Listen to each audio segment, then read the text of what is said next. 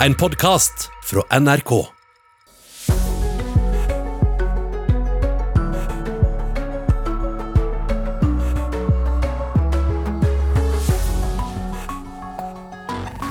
God morgen, du hører eller ser NRKs Nyhetsmorgen. Frokosten var eh, rimelig kjipt, og du fikk han servert i en pose. Er du skuffet over maten, dårlig service og stive priser på norgesferien i år? Da er du ikke alene. Eh, og da kan man jo lure, er det koronalatskap, eller er vi bortskjemte? Vi spør redaktøren i magasinet Reiselyst. Bråket fortsetter rundt eh, disse styrkene som president Trump eh, sender til demokratiske byer i USA. Seks lokale ordførere er skikkelig forbanna, og vi har snakket med vår reporter som akkurat har landet i Portland. For eh, siden de føderale styrkene ble sendt dit, har demonstrasjonene der blitt enda mer voldelige. Og i kvinnefengselet på Evje i Setesdal lærer de innsatte å produsere sin egen mat. Og så skal du få høre at eh, skuespilleren Tom Hanks har blitt greker. Ida Creed og Kari Ørstavik i studio. Det er tirsdag 28. juli. Mange nordmenn som eh, ferierer i sitt eget land denne sommeren, eh, sier de er misfornøyde med servicen. Forbrukerrådet har fått mange klager, flere enn vanlig, og det gjelder både standard og priser. Frokosten var eh, rimelig kjipt, og nå fikk han servert i en pose. Jan Erik Osberg er skuffa over frokosten han fikk på et hotell utenfor Stavanger. Det var riktignok fra eh, bygdens bakeri, men eh, det var litt eh, tynt med, med, mat for en dag, eller for en frem til lunsj. Dette var forrige lørdag, etter at det igjen var blitt lov med bufféservering. Samboeren Sølvi Hopland synes òg at maten var en nedtur. Kunne hatt litt mer utvalg oppi en pose. Det var to ferdig påsmurte skiver. Med en med syltetøy og en med salami. To skiver, er det nok for deg? Nei, overhodet ikke. Det var riktignok et eple oppi der også, men uh, til en ordentlig frokost så uh, var ikke mye mat i de skivene. da. Og i hvert fall ikke den prisen som du vet egentlig betalte for den frokosten. Siden mai har Forbrukerrådet fått inn 200 klager fra misnøyde kunder på hotell og andre overnattingssteder. Det sier leder for Forbrukerdialog, Pia Høst. Mange som lurer på hva de egentlig har krav på, eh, for det har vært ganske vanskelig å manøvrere i. Eh, og vi ser jo også en del klager knyttet til, eh, til, akkurat dette. Men det viktigste da er egentlig at du prøver å få informasjon om Hvis du ringer og booker et hotell? Hva, spør deg litt fram om hva som eventuelt er åpent og hvordan de, hvordan de har det der. Og, og, og, så kan du vurdere da om du ønsker å, å booke det hotellet eller, eller ikke. Hun har følgende råd til misnøyde nordmenn på norgesferie. Det vil jo alltid være lurt å snakke litt med hotellet hvis det er noe du er eh, misfornøyd med. Eh, ta det opp på en hyggelig måte og si at eh, dette syns jeg var litt rart, eller dette er jo ikke det vi har betalt for, og se om det går an å løse det der og da. Eventuelt at du kan få et, et prisavslag. Og hvis det gjelder litt sånn større ting, og du føler at her har du virkelig betalt for noe som du ikke har fått, så ville jeg ha klaget til da reisebyrå eller, eller hotell eller, eller, hvem det er. Hotellprisene har jo vært dyre, det har vært stive priser. Guro Jovald Kolderup og familien har bodd på flere hotell rundt om i Norge i det siste. Noen steder har maten vært bra, andre steder har den vært heller dårlig. Og Da tenker jeg at de kunne gjort litt mer ut av maten. Og når man ser at det gjør de på noen steder og ikke andre, så tenker jeg jo at de har tatt litt sånn eh, økonomiske løsninger, kanskje. Asbjørn Johansen fra Fredrikstad har reist med familien og bodd på hotell både på Østlandet og på Vestlandet i sommer. Han har ingenting å utsette på verken mat eller service. Rent og pent, ryddig, ikke noe Helt normalt, egentlig. Fungerer veldig bra. Ja. Mm. Og maten og sånn, da? Nei, maten har vært bra. den. Vi har vært på én buffé, og der var alt rent og pent. Maten var helt suveren. Det fristet til gjentakelse, eller? Absolutt. Det blir flere norgesferier. Det gjør det. Men for Sølvi Hopland og familien spørs det om det blir norgesferie neste år. Nei, vi er vel ikke helt stemt for det. da. Vi pleier jo eh, ofte å dra til Syden på sommeren. Så uh, ungene frister vel kanskje litt mer uh, Syden og få litt ordentlig varme og bading. Og litt ordentlig ut og spise. Hotell der som har gode frokoster og ja. Reportere her var Trine Svalholm Misje, Anna Lea Poppe og Kjartan Rørslett. Og vi kan jo ta med at vi ikke fikk NHO Reiseliv eller Virke Reiseliv til å kommentere denne saken. Men redaktør i magasinet Reiselyst, Toril Moland, har vi med oss. Og vi hørte folk si er heller Syden med gode frokoster. Mange er altså misfornøyd med hotellservicen her i landet. Aller først, er vi for kravstore? Eh, ja, det kan jo. Altså, nordmenn er eh, Vi betaler mye for ferie, og vi har ganske, vi har ganske høye krav. Eh, du må huske at I vanlig så bor nordmenn primært faktisk på fire- og femstjerners hotell i utlandet, i, i forhold til svenskene f.eks., som fortsatt bor mye på trestjerners. Så det er klart at uh, vi, vi, er ganske godt vant. Det sagt, så er det selvfølgelig uh, Jeg hører hva de sier, og, og det kan nok godt hende at servicen eller kanskje spesielt matserveringen ikke har vært helt som normalt i sommer. og da må man huske på da, at disse hotellene har vært gjennom en ekstremt tøff periode. og Det er nok ikke alle tror jeg, som har klart å, å tilpasse seg den nye situasjonen like godt. Ja, så Det er forståelig at koronasituasjonen har eh, gjort at servicen ikke kan være like bra som ellers? Jeg tror nok de fleste hotellene gjør så godt de kan, det må jeg jo først og fremst si. Uh, og så må vi ikke glemme at disse hotellene har vært gjennom en helt eksepsjonelt vanskelig periode. De har mistet minst en fjerdedel av omsetningen sin i tre måneder, sannsynligvis mer, siden sommeren er hoved inntektskilden. Det har vært veldig uforutsigbart for dem. så det har vært vanskelig for dem. Skal de permittere, ikke permittere, hvor mange skal de ta tilbake? Eh, og Da er det nok kanskje noen som har vært flinkere til å beregne, noen som har vært flinkere til å skjønne hvor mye folk faktisk spiser.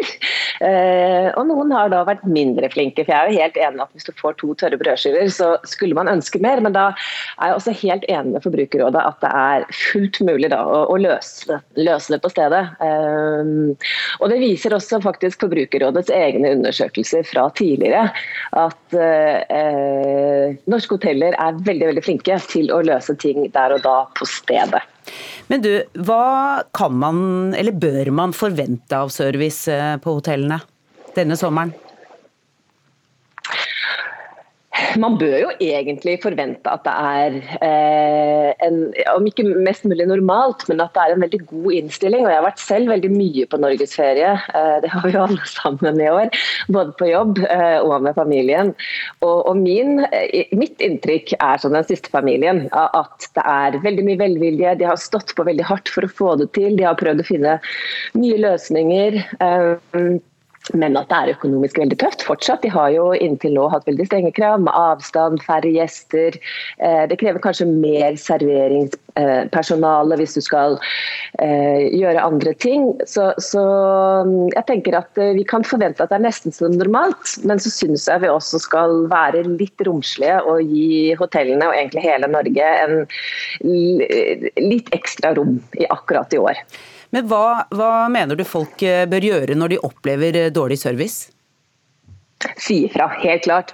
Fordi hotellene er ikke nødvendigvis klar over det selv. Kanskje syns de at vet ikke at folk spiser så mye, kanskje vet ikke at uh, rengjøringspersonalet deres, ikke har gjort jobben. Så hvis de ikke sier ifra, så får man jo heller ikke noe hjelp. Og der tror jeg faktisk nordmenn egentlig er ganske flinke. Så det er bare å, som Forbrukerrådet sier, ta en uh, veldig hyggelig samtale i resepsjonen når du sjekker ut, så er jeg ganske sikker på at det stort sett vil løse seg. Hvis kravet er rimelig. Takk skal du ha, redaktør i magasinet Reiselyst, Toril Moland.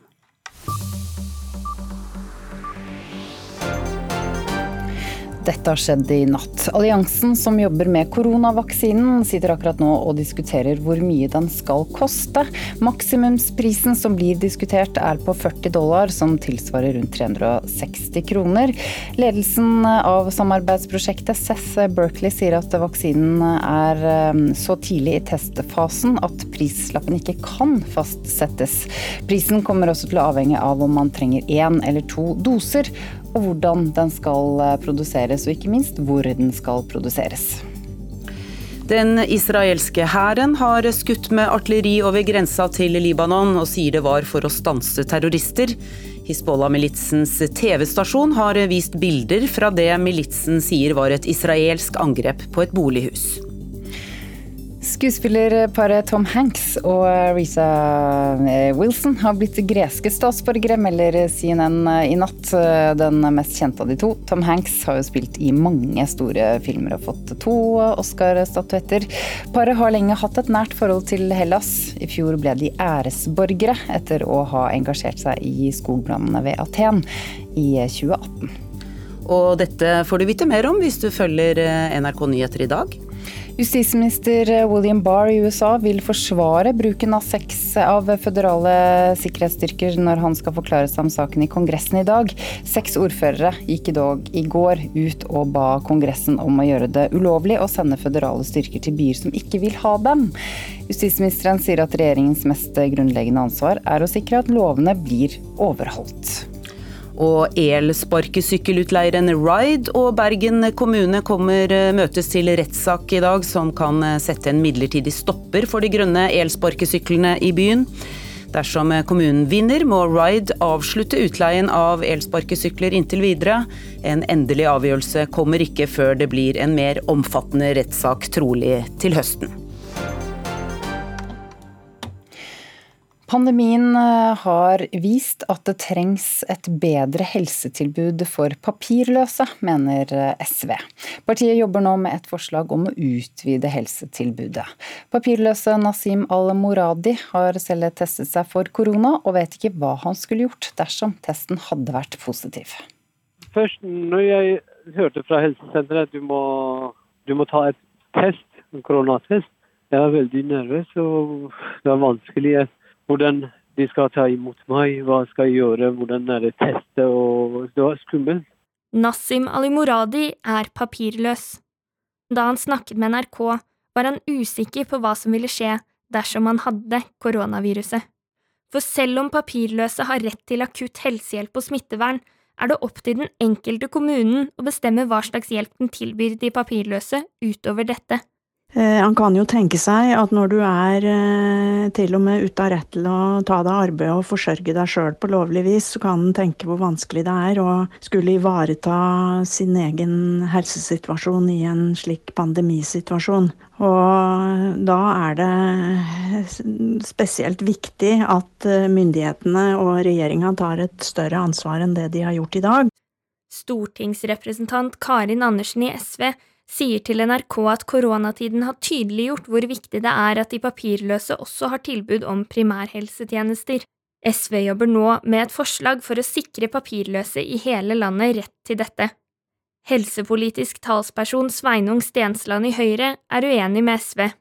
Papirløse bør ikke få samme rett på primærhelsetjeneste som alle andre i Norge. Det vil innebære at alle som kommer til Norge, uansett grunn, vil ha samme rett til helsetjenester. og det vil nok føre til at flere oppsøker Norge fordi at de nettopp har dette tilbudet. Ali Moradi var lettet da koronatesten var negativ, men for andre, mer sårbare papirløse, er han fremdeles bekymret. Nå jeg tenker på jeg tenker på de andre papirløse som kjenner ikke noen, som har ikke nettverk, som er mest de kvinner er mest sårbare sa Nasim Ali Moradi til reporter Julia Thommessen. Klokka er 7.15, du hører på NRKs Nyhetsmorgen. Demonstrasjonene i Portland i USA har nå vart i over 60 dager. Donald Trump kaller eh, demonstrantene syke anarkister, mens presidentens motstandere er sjokkerte over myndighetenes bruk av vold. Og mange nordmenn som ferierer i eget land i sommer, synes maten og servicen er for dårlig. Forholdet mellom USA og Kina er på det kaldeste på over 40 år. Kan dette ende med en militær konflikt? Vi spør seniorforsker Steine Tønneson om noen minutter. Justisminister William Barr i USA vil altså forsvare bruken av føderale sikkerhetsstyrker når han skal forklare seg om saken i Kongressen i dag. Seks ordførere gikk i går ut og ba Kongressen om å gjøre det ulovlig å sende slike styrker til byer som ikke vil ha dem. Dette skjer samtidig som Trump-administrasjonen vurderer å sende enda flere styrker til Portland i Oregon. Reporter i USA Lars Os har akkurat landet i Portland. Ja, Du har uh, ordføreren i Portland, uh, Ted Wheeler, og i Chicago, Laurie Lightfoot, og flere prominente ordførere som rett og slett går ut nå og sier at de har ikke lyst å ha de her føderale styrkene i byene sine, fordi at de uh, kommer inn i byen uten å egentlig avklare med de lokale myndighetene om hva de skal gjøre, og, og hva de kan ta seg til rette. For her er det jo snakk om hvem som har jurisdiksjon innad i de forskjellige byene. Eh, I USA så er det vanlig at lokale politistyrker har eh, ansvaret for å opprettholde lov og orden, mens eh, føderale agenter, og her har du mange forskjellige etater, de har jo ofte veldig mange andre små nisjeoppdrag fra toppen og ned, som gjør at ordførerne er syns ikke noe om at presidenten kan på en måte kommandere dem inn i, i byen uten at det blir noe skikkelig koordinering. Hvorfor vurderer Donald Trump å sende enda flere av disse føderale styrkene til Portland? Det er rapporter nå som sier at uh, det skal styrkes uh, flere styrkes mannskap, uh, deriblant her i, i, Portland, med da føderale styrker som skal komme inn og, og, og da passe på de her Eh, føderale eh, bygningene. Et av det strid, stridskjerna her i Portland er jo da en, en rettsbygning, en føderal eh, domstolsbygning, så, som det er nå veldig mye bråk rundt, som vi har sett veldig mye bilder av.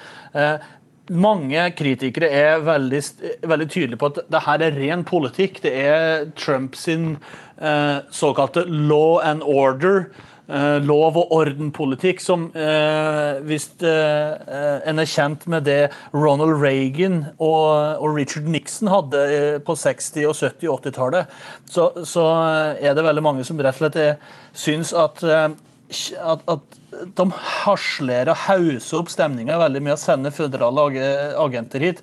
Og Jeg har jo nå bare vært her i noen timer, men prata med flere personer som både jobber og bor i, naboområdet her i, i, i Portland, i sentrum. Og de, de sier jo det at det var forholdsvis rolig stemning, det var forholdsvis rolig demonstrasjoner her eh, gjennom nesten to måneder. Og så kommer det føderale styrker inn i byen som ser ut som soldater. Og etter det så har på en måte både volden og, og egentlig styrken i, i, i demonstrasjonen ble mye hardere, og, og, dermed så hadde det da resultert i veldig mye tåregass og, og at folk har rett og slett blitt banka opp av politiet.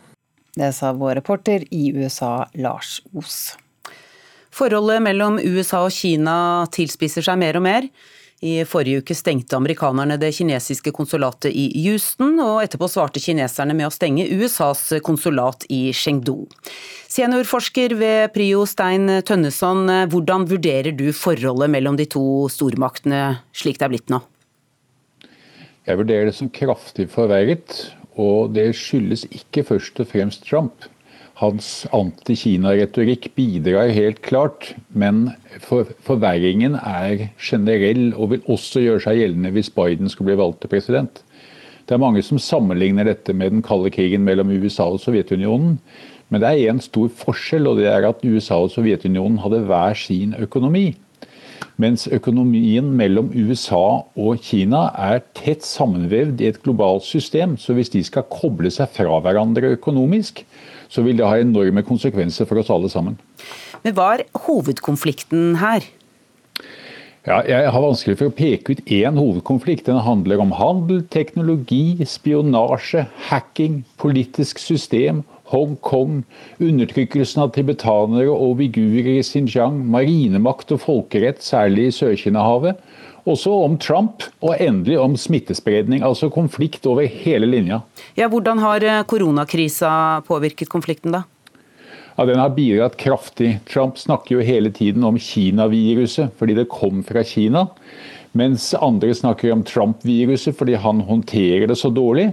Så dette har bidratt kraftig til forverringen. Det er også snakk om, eh, om beskyldning, gjensidige beskyldninger for å ville monopolisere vaksiner. Og I helga så stengte altså det kinesiske og det amerikanske konsulatet. Hva betyr det for eh, den pågående konflikten? Kina og USA har hatt seks konsulater hver i de andre landene, i ulike byer, når vi regner med hovedstaden. Nå er altså ett av de seks stengt i hvert land. Det svekker den diplomatiske kontakten mellom de to landene i verden som har egentlig For oss alle sammen betyr det mest mulig at de har kontakt, så det er svært beklagelig. Og USAs eh, utenriksminister Mike Pompeo sa på en eh, pressekonferanse at det kinesiske forsvaret er blitt sterkere og mer truende. Hva mener du om det? Det er blitt klart sterkere. Og underliggende, den underliggende faktoren i konflikten mellom Kina og USA er at Kinas militærmakt øker hele tiden, mens USA ikke øker tilsvarende. Og Derfor er det en frykt i USA for at Kina skal bli jevnbyrdig. Dette med at de er truende er det også en viss grunnlag for å si, fordi Kina har vært mye mer aktiv militært i sine nærområder når det gjelder å hevde deres krav på øyer i havet og fly inn i andre lands luftrom og slikt. Men det er én viktig ting ved det kinesiske militæret som vi ikke må glemme, og det er at de mangler kamperfaring. Amerikanerne har masse erfaring fra å slåss i krig. Mens Kina har ikke vært i krig eller hatt kamphandlinger med andre land på mange, mange, mange år. Så de som kjemper, er medlemmer i, de, Kinas folkehær i dag, har ikke kamperfaring. Ja, hva mer kan Du du sier at det kinesiske forsvaret de, de har bygget seg opp, men, eh, men USA har ikke bygget seg opp i samme grad, sier du? USA svarer også, og gjennom å forsøke å styrke sitt nærvær. Men USA er, er den tradisjonelt dominerende militærmakten som utfordres i området av Kina, og er nødt til egentlig å trekke sine baser noe tilbake for at de ikke skal bli for sårbare for kinesisk angrep. Men to ganger de siste par månedene så har de sendt inn hangarskip i Sør-Kina-havet. De, under Trump-administrasjonen har de kraftig oppgradert antallet seilingsrettsoperasjoner, hvor marinefartøyer går inn og seiler nær kinesisk okkuperte øyer eller rev. Og det er militærøvelser på begge sider. Men amerikanerne, altså hvis, hvis, utviklingen fortsetter sånn som den har vært, så vil det hele tiden være sånn at balansen forrykker seg til Kinas fordel. Du, Hva er det verste som kan skje nå, da, hvis dette forholdet blir ytterligere forverret? Ja, Det vi hele tiden frykter, er jo en direkte militær konfrontasjon eller krig. Og eh, Her har jeg en helt akutt liten frykt nå, og det er at Taiwan-spørsmålet også skal bli trukket inn i konflikten. For Taiwan okkuperer en liten øygruppe, eller holder okkupert en liten øygruppe som heter Pratas. Mange har hørt om Spratly og Paracel, og kanskje også om Scarborough Shoal i Sør-Kina-havet. Men Pratas-øygruppa er det ikke så mye snakk om. Men den er også okkupert av Taiwan. Og den ligger veldig sentralt strategisk plassert midt i skipsruten gjennom Sør-Kina-havet. Og Her har nå Kina tillyst en militærøvelse med landgangsoperasjon i Pratas. Altså Det er ikke sånn at de truer med faktisk å gjøre det, men en øvelse på det. Og Taiwan har styrket sin militære nærvær, og vi har sett noen små episoder med amerikanske og kinesiske fly som har fløyet inn i samme taiwanske luftrom osv. Og, så og det skal foregå nå i august. Så hvis nå plutselig f.eks. vi tenkte oss at Kina hadde bestemt seg for at nå Taiwan kan vi utfordre, og så kan vi ta de øyene, så får vi kontroll med dem også, så er det spørsmål om hvordan USA vil reagere. Det er den typen episoder som vi frykter at kan uh, utvikle seg, og kanskje eskalere inn til storkrig. Takk skal du ha, Stein Tønneson, seniorforsker ved PRIO. Mer enn 900 unge kvinner, flesteparten av dem mindreårige, har forsvunnet i Peru under koronapandemien. De antas å, bli, å være drept, ifølge landets myndigheter. Etter at det ble innført koronarestriksjoner, har problemet økt kraftig. Det var altså Peru. Her hjemme i kvinnefengselet på Evje lærer de innsatte å produsere sin egen mat på minst mulig plass. Agder fengselavdeling Evje, Nibio Grimstad og Setesdal videregående skole har sammen startet dette prosjektet. Det er et EU-prosjekt, og Norge er det første landet i Europa som har klart å starte opp et slikt prosjekt i fengsel. Det blir veldig fint. Det blir veldig godt. Det er jo spennende når man gjør det sjøl. Så jeg får kjøpe det, eller kan gjøre det sjøl? Drømmen er jo at det skal komme ut til alle. Og at det gir eh, en mening mens man sitter inne. Det sier Ingebjørn Hodne. Hun er miljøarbeider ved Setesdal videregående skole, som startet prosjektet sammen med Nibio Grimstad og kvinnefengselet på Evje. Måten maten produseres på er gjennom akvaponi, dvs. Si uten jord, og hvor man med fisk i vannet tilfører plantene naturlig næring og gjødsel. Dette er dyrka her. Så da får de eh, sildrende vann på toppen også nedover. Nyhøsta. Skikkelig nyhøsta. De innsatte sier det er viktig lærdom. Vi kan bruke denne kunnskapen hjemme. Dyrke hjemme både inne eller ute i hage. At man trenger eh, lite areal. En liten balkong eller noe, alt som skal til. Og det vokser gjerne på en uke eller to. Ja, man kan få ganske mye ut av liten plass. Nå er ideen at systemer som dette kan bli en del av opplæringen og omsorgen for andre fengsel rundt om i landet. Verksmester i fengselet Asbjørn Espenes er fornøyd og sier de vil gjøre prosjektet til en permanent løsning. Det har vært utrolig gode resultater. Eh, folk er engasjerte. Og dette er jo et opplegg som er veldig spennende, for det er jo et nytt opplegg. Vi ønsker å, å få dette her inn i Agder fengsel som, et, eh, som en opplæring da, på hvordan eh, vi skal klare oss sjøl i samfunnet. Og det var veldig godt. Det var nydelig. Det smakte gull. Veldig godt. Ja, og reporter her, det var Selina Våge Mølstre.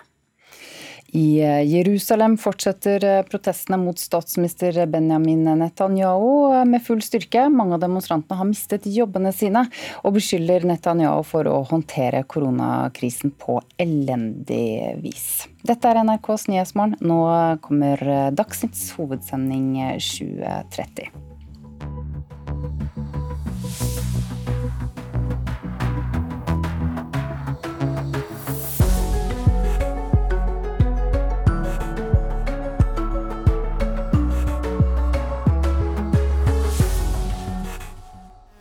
Sommer i P2. Jeg heter Morten Krogvold og er fotograf.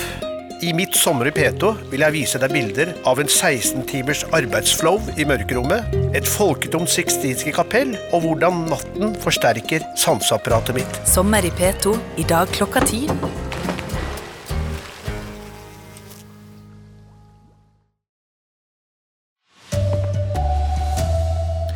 Flere klager på servicen og maten på norske hotell i sommer. Frokosten var eh, rimelig kjipt, og nå fikk han servert i en pose. Demonstrasjonene i Portland i USA holder fram, og presidenten vil sende flere føderale styrker. SV med nytt forslag som skal gi papirløse migranter bedre helsehjelp. Her er NRK Dagsnytt klokka 7.30. Uvanlig mange nordmenn ferierer i eget land, men ikke alle er like nøyde med servicen. Forbrukerrådet har fått eh, flere klager enn vanlig på standarden, prisen og frokosten. Frokosten var eh, rimelig kjipt, og nå fikk han servert i en pose. Jan Erik Osberg er skuffa over frokosten han fikk på et hotell utenfor Stavanger. Det var riktignok fra eh, bygdens bakeri, men det var litt tynt med, med, mat for en dag. Eller for en frem til lunsj. Dette var forrige lørdag, etter at det igjen var blitt lov med bufféservering. Samboeren Sølvi Hopland synes òg at maten var en nedtur. Når man bor på hotell, så er jo det liksom for meg det store å gå til frokosten og ta litt av hvert. Men eh, det er jo korona, så da Ja, men eh, skal man godta det bare fordi det er korona, eller? Egentlig ikke det, så det kunne jo kanskje vært gjort litt annerledes. Siden mai har Forbrukerrådet fått inn 200 klager fra misnøyde kunder på hotell og andre overnattingssteder. Det sier leder for Forbrukerdialog, Pia Høst. Mange som lurer på hva de egentlig har krav på, eh, for det har vært ganske vanskelig å manøvrere i. Eh, og vi ser jo også en del klager knyttet til, eh, til akkurat dette, men det viktigste da er egentlig at du prøver å få informasjon om, hvis du ringer og booker et hotell, ikke sant? Hva, spør deg litt fram om hva som eventuelt er åpent og hvordan de, hvordan de har det der, og, og, og, så kan du vurdere da om du ønsker å, å booke det hotellet eller, eller ikke. Hun har følgende råd til misnøyde nordmenn på norgesferie. Det vil jo alltid være lurt å snakke litt med hotellet hvis det er noe du er eh, misfornøyd med. Og hvis det gjelder litt sånn større ting, og du føler at her har du virkelig betalt for noe eh, som du ikke har fått, så eh, ville jeg ha klaget. Blir det norgesferie neste år, da? Nei, vi er vel ikke helt stemt for det. da. Vi pleier jo ofte å dra til Syden på sommeren. Reportere Trine Sørnholm Misje, Anna Lea Poppe og Kjartan Rørslett. Og NRK fikk kort NHO Reiseliv eller Virke til å kommentere saka. Demonstrasjonene i Portland i USA er inne i sin 61. dag. På Twitter i natt kalte president Trump demonstrantene sjuke anarkister. Samtidig er motstanderne av presidenten sjokkerte over styresmaktene sin maktbruk. Demonstranter fyller gatene i Portland for 61. dag på rad. Demonstrasjonene som startet etter drapet på George Floyd, var forholdsvis fredelige i begynnelsen. Etter at føderale sikkerhetsstyrker ble satt inn mot demonstrantene 4.7, har kampene eskalert. Seks demokratiske ordførere, bl.a. ordførerne i Chicago og Washington DC, sendte i går et brev til Kongressen der de ber kongressmedlemmene om å vedta en lov som slår fast at bruken av føderale sikkerhetsstyrker er ulovlig. President Trump svarer med å varsle at han vil sette flere sikkerhetsstyrker inn i byen. Det er i dag ventet at USAs justisminister William Barr skal forsvare myndighetenes maktbruk som et nødvendig tiltak mot det som i praksis er et angrep på den amerikanske regjeringen, slik han ser det. Ellen Rosenblum, justisminister i delstaten Oregon, mener det er motsatt. Every American needs to be concerned about what's happening here in Portland. Uh, you know, these these federal agencies are operating with no transparency and against the will of just about every leader in our state, and I assume it will be the same in other states where they show up. Disse føderale sikkerhetsagentene opererer uten noen form for åpen kontroll, sier hun, og bruken av dem går imot det så godt som alle valgte ledere i delstaten ønsker. Reporter Simen Ekern. Heim at koronapandemien har gjort det klart at det trengs et bedre helsetilbud til papirløse migranter, mener SV. Og nå jobber partiet med et forslag om å gjøre tilbudet bedre. Papirløs Nasim Ali Moradi har selv testa seg for koronavirus, og vet ikke hva han skulle gjort om testen var positiv. Når jeg hørte fra helsesenteret at du må, du må ta et koronatest, jeg var veldig nervøs og det var vanskelig hvordan de skal ta imot meg. Nassim Ali-Moradi er papirløs. Da NRK snakket med han, hadde han nettopp testet seg for koronaviruset. Heldigvis var testen negativ.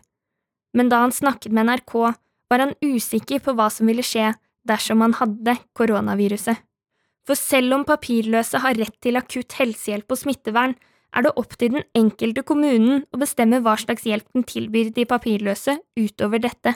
Han kan jo tenke seg at når du er til og med ute av rett til å ta deg arbeid og forsørge deg sjøl på lovlig vis, så kan han tenke hvor vanskelig det er å skulle ivareta sin egen helsesituasjon i en slik pandemisituasjon. Stortingsrepresentant Karin Andersen i SV sier til NRK at koronatiden har tydeliggjort hvor viktig det er at de papirløse også har tilbud om primærhelsetjenester. SV jobber nå med et forslag for å sikre papirløse i hele landet rett til dette. Helsepolitisk talsperson Sveinung Stensland i Høyre er uenig med SV. Papirløse bør ikke få samme rett på primærhelsetjeneste som alle andre i Norge. Det vil innebære at alle som kommer til Norge, uansett grunn, vil ha samme rett til helsetjenester, og det vil nok føre til at flere oppsøker Norge fordi at de nettopp har dette tilbudet. Reporter Julia Thommessen, og du kan lese mer om denne saka på nrk.no.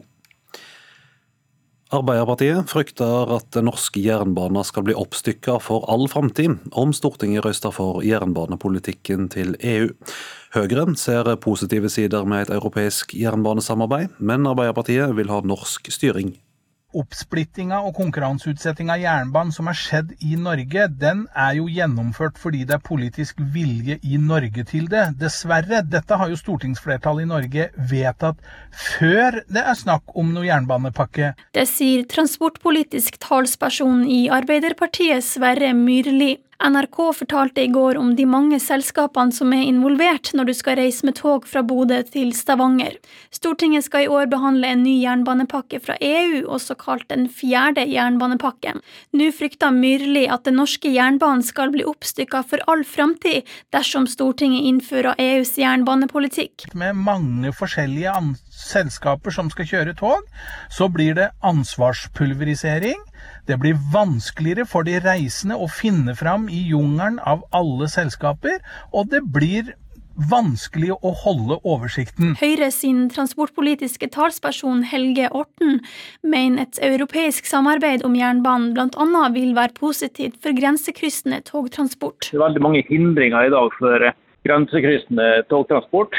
Og, og, slik sett så er det etter vår oppfatning helt nødvendig at nå samordner dette i mye større grad enn tidligere. Og Den fjerde jernbanepakken tar jo nettopp utgangspunkt i det. Å harmonisere regelverket, sørge for et enhetlig system i Europa. Reportere Kristine Hoff og Adrian Dahl Johansen. Koronapandemien har ført til at eh, fotballkampene i de største ligaene har blitt spilt for tomme tribuner. Og For å gi TV-seerne en bedre atmosfære, blir det lagt på falsk publikumslyd under sendinga. TV 2, som sender eh, engelsk Premier League, sier halvparten av seerne vil ha falsk lyd, men eh, mange mener det er en uting. Hva er best når man ser en fotballkamp hjemme i stua? Sånn? Eller sånn? Koronaepidemien har gjort at fotballstadionene er stengt for publikum i mange land. Men både i England, Tyskland og Spania har produsentene av TV-sendingene valgt å legge på falsk publikumslyd for å skape atmosfære. Norske seere som vil se kamper fra engelske Premier League på TV2 Sumo, kan sjøl velge om de vil se kampene med eller uten falsk lyd. Halvparten av seerne velger å se kamper med støy fra et publikum som ikke er der. Ja, det skjønner jeg veldig godt, for at eh, opplevelsen blir mye bedre. Det sier TV 2s kommentator Kasper Wikestad. I kampene i den norske eliteserien har man valgt å ikke legge på falsk jubel.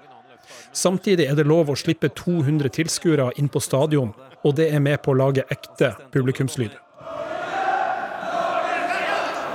Talsmann Gjert Moldestad i Norsk supporterallianse mener at pålagt lyd er en uting. Egentlig så sier jo det seg sjøl, men altså man prøver å erstatte eh, supporter og den stemningen de lager, med lyd eh, fra en datamaskin.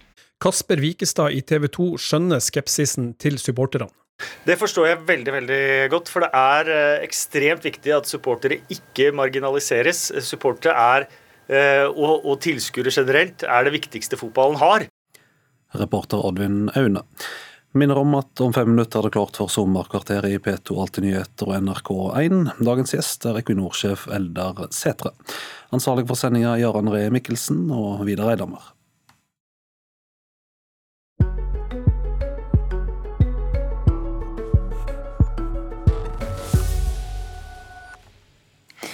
Dette er NRKs Nyhetsmorgen. Å være ute i naturen har dokumentert helsebringende effekt. For eh, Atle Rognes ble skogen redningen fra et langt liv som rusavhengig, og nå arrangerer han og andre tidligere rusavhengige skogsturer for å hjelpe andre. Så hvis jeg har det tungt, så går jeg altså ut, tar med meg bikkja ut i skogen. Bare hører på fuglekvitter, bekken som renner, eller bare stirrer i et bål. Jeg har en bestefar som jeg var til ja, hver skolefri eller hadde fra barneskolen. Så hver helg og når jeg hadde muligheten, så jeg, tok jeg buss eller ble kjørt ned til Hurtigbåten og for over der, og farmor kom og henta meg.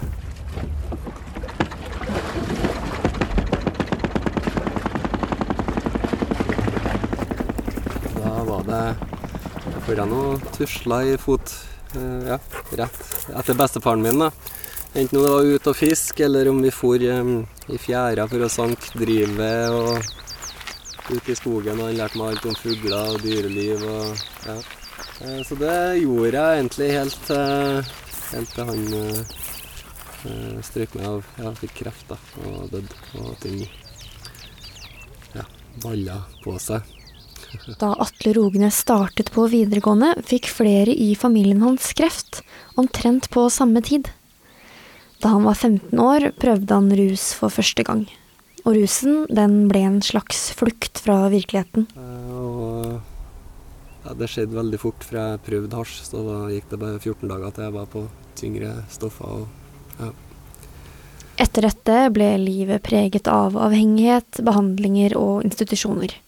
Men via en alternativ behandlingsgruppe ble Atle kjent med folk med lignende skjebne som seg selv. Blant disse var Raymond Tollefsen. Han er styremedlem i Medvandrerne, en forening startet og driftet av tidligere rusavhengige. De arrangerer motivasjonsturer i skog og mark for å vise at det er mulig å reise seg sammen, uavhengig av fortid og historie. Og vi tror at det opprinnelige, da. Vi kommer fra naturen, og vi er natur, vi òg. Og vi har fjerna oss veldig mye fra naturen de siste århundrene, eller årtiene om du vil. Men for å oppnå de effektene vi ønsker, da, så, så, tror vi på at det å søke tilbake til der vi kommer fra, og det opprinnelige, og naturen, eh, bidrar til de prosessene vi, vi ønsker. Medvandrerne startet med motivasjonsturer i 2017, og har siden den gang vokst i både antall medlemmer, samarbeidspartnere og sponsorer. Nå har de startet med lokallag i både Oslo, Bergen, Stavanger, Drammen og snart også i Hallingdal. Og Atle, han har blitt turleder for lokalgruppa i Drammen. Så nå er det tur hver torsdag til å starte med, og så har vi allerede snakka og begynt å planlegge litt helgeturer og overnatting i telt og fisking og Så nå sitter jeg her rusfri og ser at verden er ikke trasig og dritt, sånn som jeg har tenkt. Så ikke gi opp, vil jeg bare si. Bli med på tur. Hvis du har lyst til å være med ut, så kan du gå inn og sjekke dette medvandrere.org, eller søke den på Facebook, og reporter i saken var Ninni Bakke Christiansen.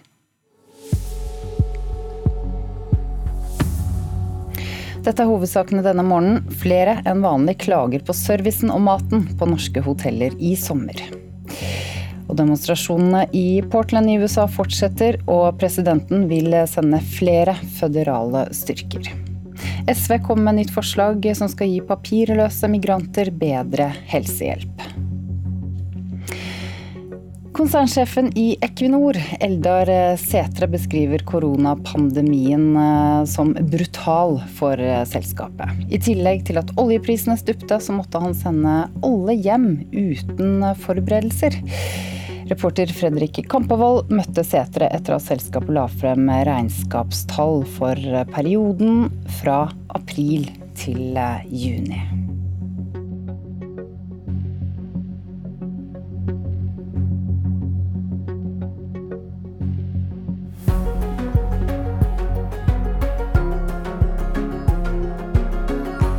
Det å måtte ta en sånn beslutning, da da, da, kom det, da, kom i hvert fall alvoret tungt innover en, eh, virkelig. Jeg heter Eldar Sætre og jeg er konsernsjef i Equinor. NRK møter Sætre på Equinor sitt enorme hvite hovedkvarter på Fornebu utenfor Oslo. Han har akkurat lagt fram resultat fra det han omtalte som kanskje det mest dramatiske kvartalet i oljens historie. For koronapandemien har ført et bratt fall i hvor mye olje verden trenger. Samtidig så skrudde Russland og Saudi-Arabia oljekranene på vidt gap i en priskrig. Nordsjøolje koster på det laveste under 20 dollar fatet, og i USA, som rommer en femtedel av Equinors oljeproduksjon, måtte man på et tidspunkt betale for å bli kvitt olja. Sætre beskriver de siste månedene som brutal. Den kraften det skjedde, den, hvor raskt det skjedde, og på toppen av det, all den usikkerheten som vi har når vi tenker fremover, det er jo helt eksepsjonelt. Og jeg har aldri opplevd noe i nærheten av en slik uh, situasjon.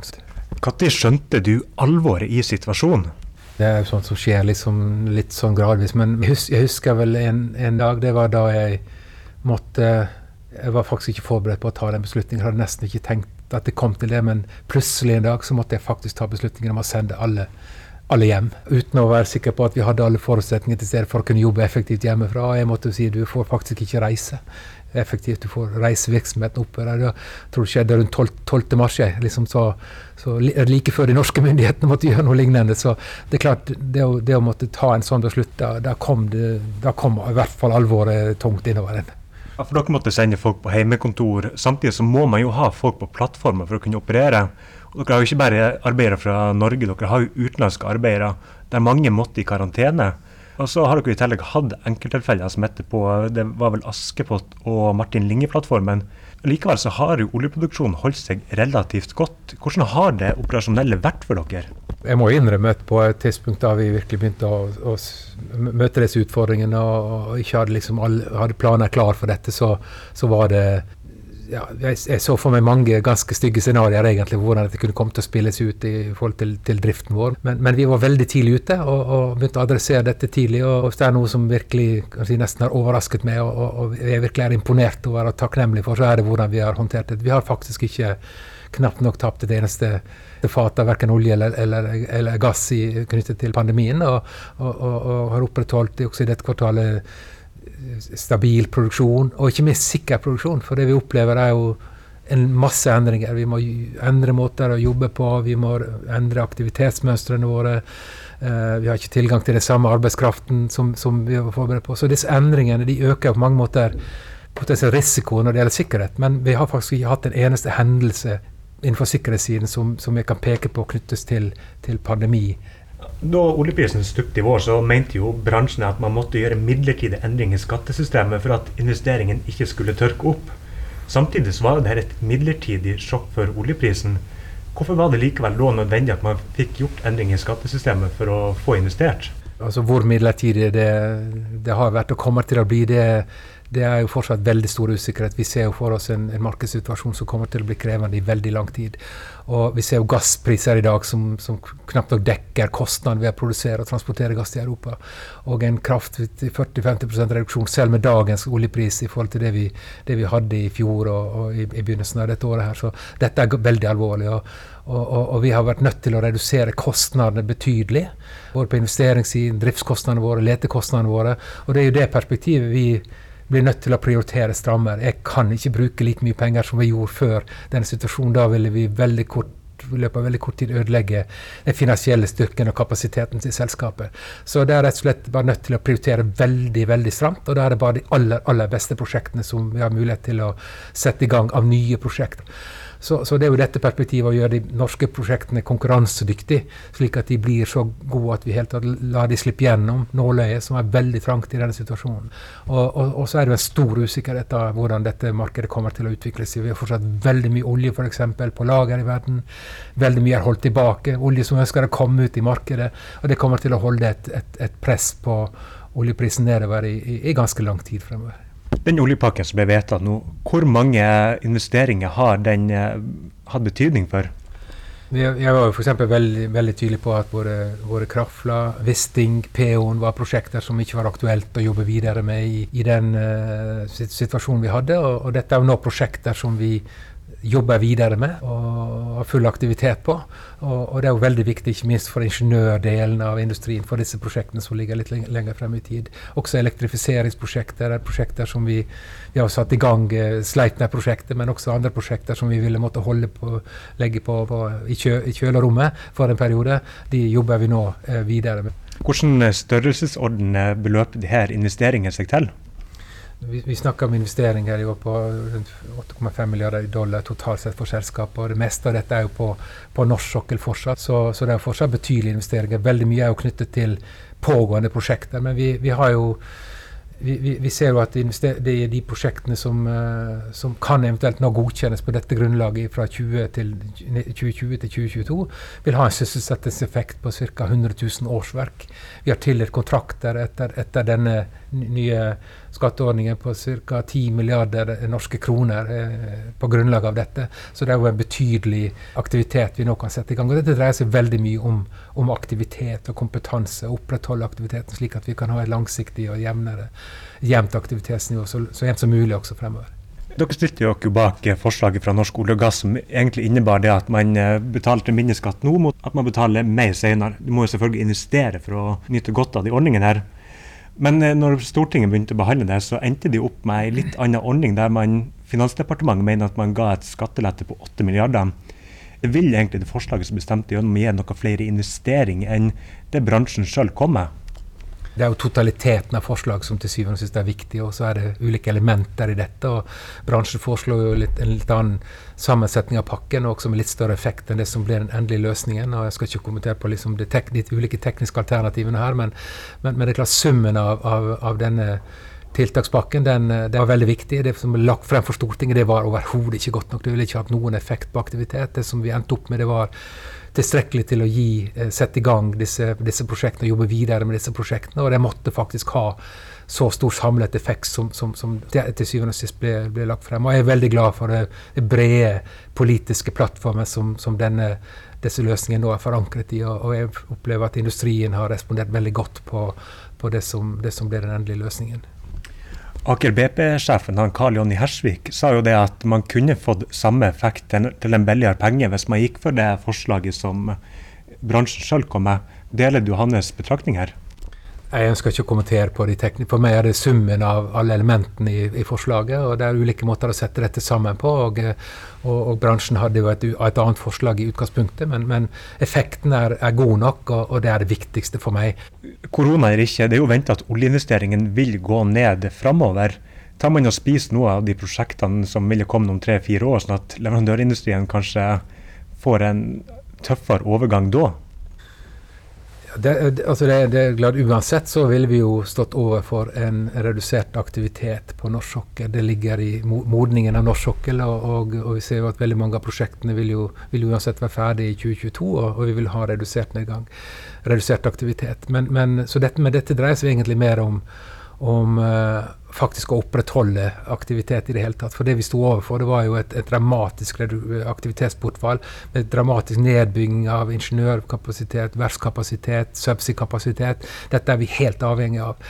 Så, så det, all, all, all, fremtidig aktivitet ville egentlig stoppet opp hvis ikke vi var i stand til å opprettholde og komme gjennom denne situasjonen uten å skjære oss under barberingen, for å si det sånn. Så, så dette var, en, uh, dette var usedvanlig viktig for å opprettholde jevnest mulig aktivitet og kapasitet og kompetanse i, i, denne, i, i denne, situasjonen. Så, så si de prosjektene isolert sett vil jo ikke kunne gjøres en gang til eller gjøres senere, men, men, men det er jo prosjekter som, som har, har et langt perspektiv. Wisting er jo snakk om et prosjekt som vil ja, liksom, Vi snakker om, om, om, godkjennelse i 2022, kraftfla i 2022, og det vil jo tilføre aktivitet i veldig mange år etter uh, investeringsbeslutningen. Så dette er for veldig mange prosjekter også prosjekter som, som vi snakker om å modne ingeniørkapasitet, og så ligger det for beslutning uh, frem mot slutten av denne perioden. Det tilfører aktivitet i lang tid. Og så tror jeg at det fortsatt er mulig å finne ganske mye ressurser på norsk sokkel som gir føde til aktivitet også utover dette. For deres del så var jo grønn omstilling kanskje den virkelig store saken i januar, når dere la frem eh, tall da. Men det her har jo kanskje kommet litt i bakgrunnen i det siste pga. korona. Hvordan har egentlig de siste månedene påvirka deres satsing på grønne og fornybar? Ja, Vi er veldig bevisst på strategien vår og å utvikle selskapet i en, en bred, som et bredt energiselskap. Vi la frem en ambisiøs klima, klimaveikart i, i, i februar i år både for norsk sokkel, men også globalt. Og, og, det, og, de føringene som ligger i det, det er minst like viktig som de var før, før pandemien inntraff. Men har det påvirka hva dere har mulighet til å gjøre? Det, det, er klart det er ingen investeringer som er eh, Vi, vi, vi kan liksom ekskludere fra, fra stramme vurderinger. men det men, men, vi har vært veldig bevisst på at elektrifiseringsprosjekter det ønsker vi å gjennomføre. ønsker å prioritere. De har ikke samme lønnsomhet som nye olje- og gassutbygginger, men vi ønsker å prioritere de.